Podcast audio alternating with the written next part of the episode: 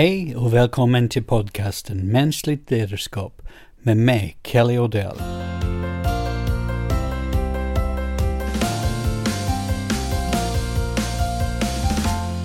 Idag så vill jag fortsätta med en serie om myter runt ledarskap som jag började i förra podcasten. Specifikt så tänkte jag ta upp myter runt kreativitet. Kreativitet är en grundläggande förutsättning när det gäller att identifiera nya affärsmodeller och strategier, mer effektiva arbetssätt och spännande nya produkter och tjänster. Men trots att det kan vara avgörande för framgång i dagens verksamheter är kunskapen om kreativitet ganska dålig. Och myterna och missuppfattningar florerar. För många år sedan när jag var Sverigechef för Whirlpool, det amerikanska vitvaruföretaget, höll vi på att lansera Whirlpools varumärke i Sverige. Därför hade jag många möten med vår reklambyrå. Under dessa möten träffade jag många olika medarbetare från reklambyrån. Och jag blev lite road av jargongen de använde.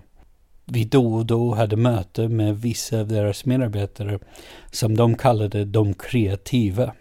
När vi hade möte med dessa personer var de nästan alltid klädda i svart, lite tilltussade, hade hästsvansar och på den tiden var det vanligt att de också hade cowboystövlar. På den tiden var mörk kostym och slips min vanliga arbetsklädsel.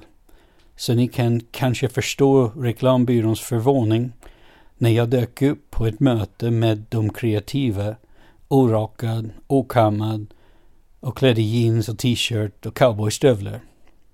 Det blev lite tyst och alla stirrade på mig. Så jag sa, jag, jag ser att ni lägger märke till mitt utseende.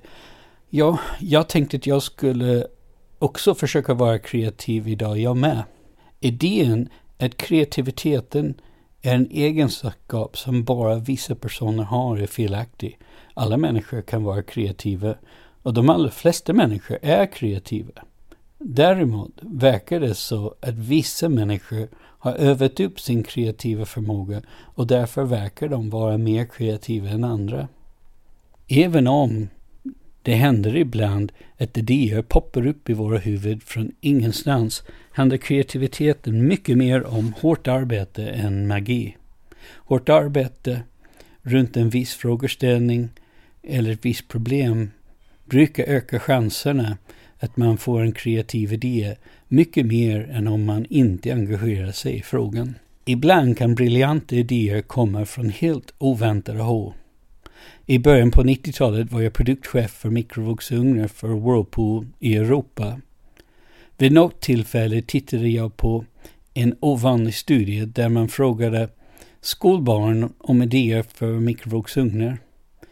Ett förslag som kom från flera barn var att de ville ha en mikrovågsugn i sin lunchlåda.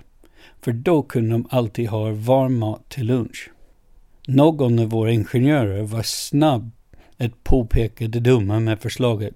Då bara transformatorn för en mikrovågsugn vägde flera kilo. En annan ingenjör sa det då att man inte måste ha en transformator.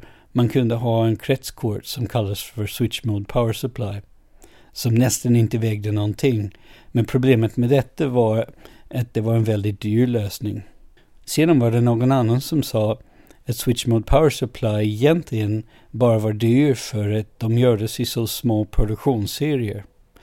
Om man gjorde dem i stora serier skulle de kanske till och med bli billigare än transformatorer. För att göra en lång historia kort så utvecklade vi aldrig en lunchlåda med inbyggd mikrovågsugn. Men vi införde Switch Mode Power Supply i våra vanliga mikrovågsugnar. Vilket förde med sig en rad fördelar i produkten. Bland annat prestandahöjning, bättre funktionalitet, minskad vikt och bättre kvalitet.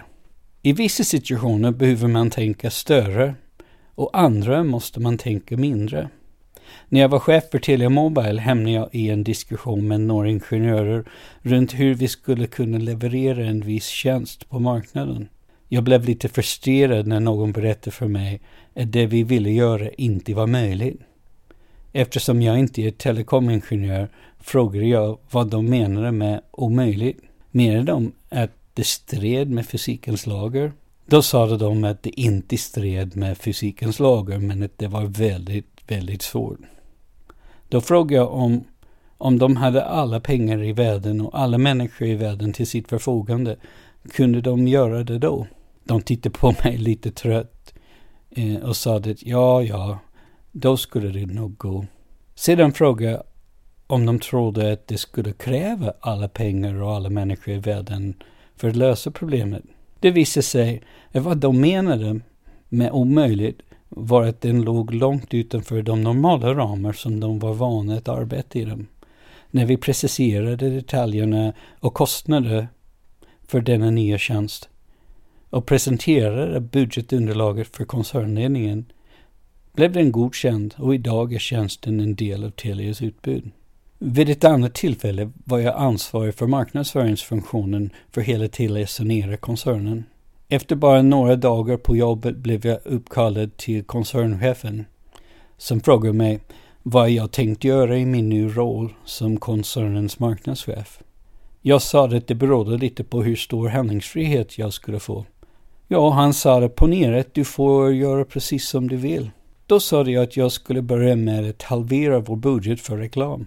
Han blev lite överraskad och till och med skrattade till lite och sa att han hade nog aldrig träffat en marknadschef som ville ha mindre pengar för reklam. Och jag förklarade för honom att vi hade den i särklass största reklambudgeten jämfört med alla företag i hela Norden.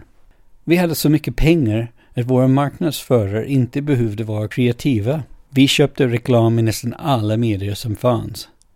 Han frågade mig då hur jag visste att just halva budgeten var den rätta nivån och jag sa att jag inte visste. Vad jag visste var att den rätta nivån var lägre och att vi kunde ta bort halva budgeten utan att skada någon. Följande är lite tips för att lyckas bättre med kreativiteten.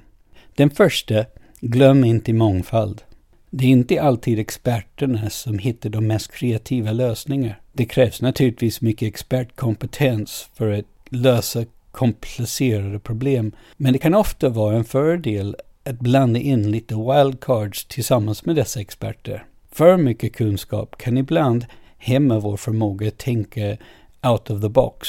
Icke-experterna kan ställa de dumma frågorna som väcker kreativiteten hos experterna. Nummer två. Släpp taget ett tag.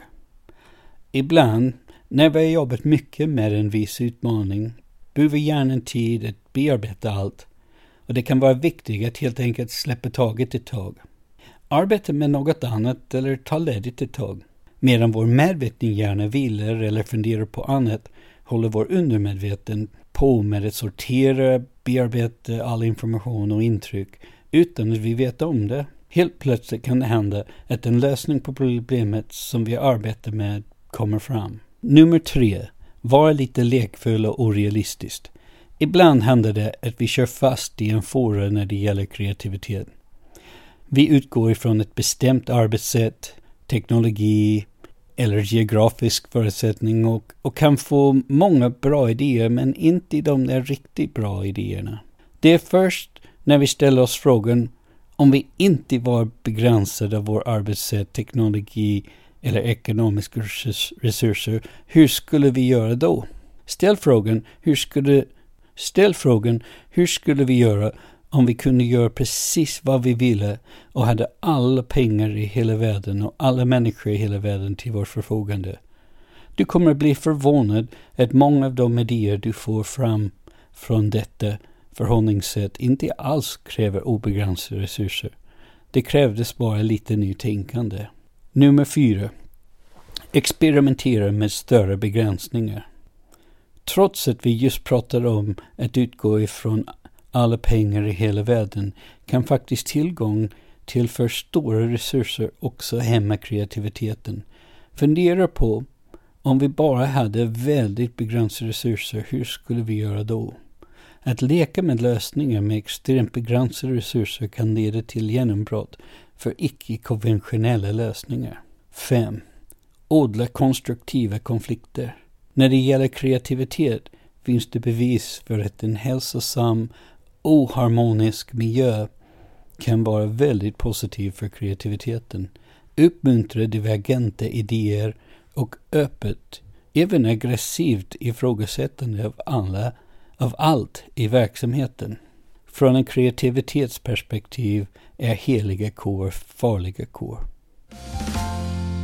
Månadens bok The Myths of Creativity The Truth About How Innovative Companies and People Generate Great Ideas av David Burkus. I den här boken belyser David Burkus flera av de vanligaste myterna om kreativitet och hur vi ska göra istället.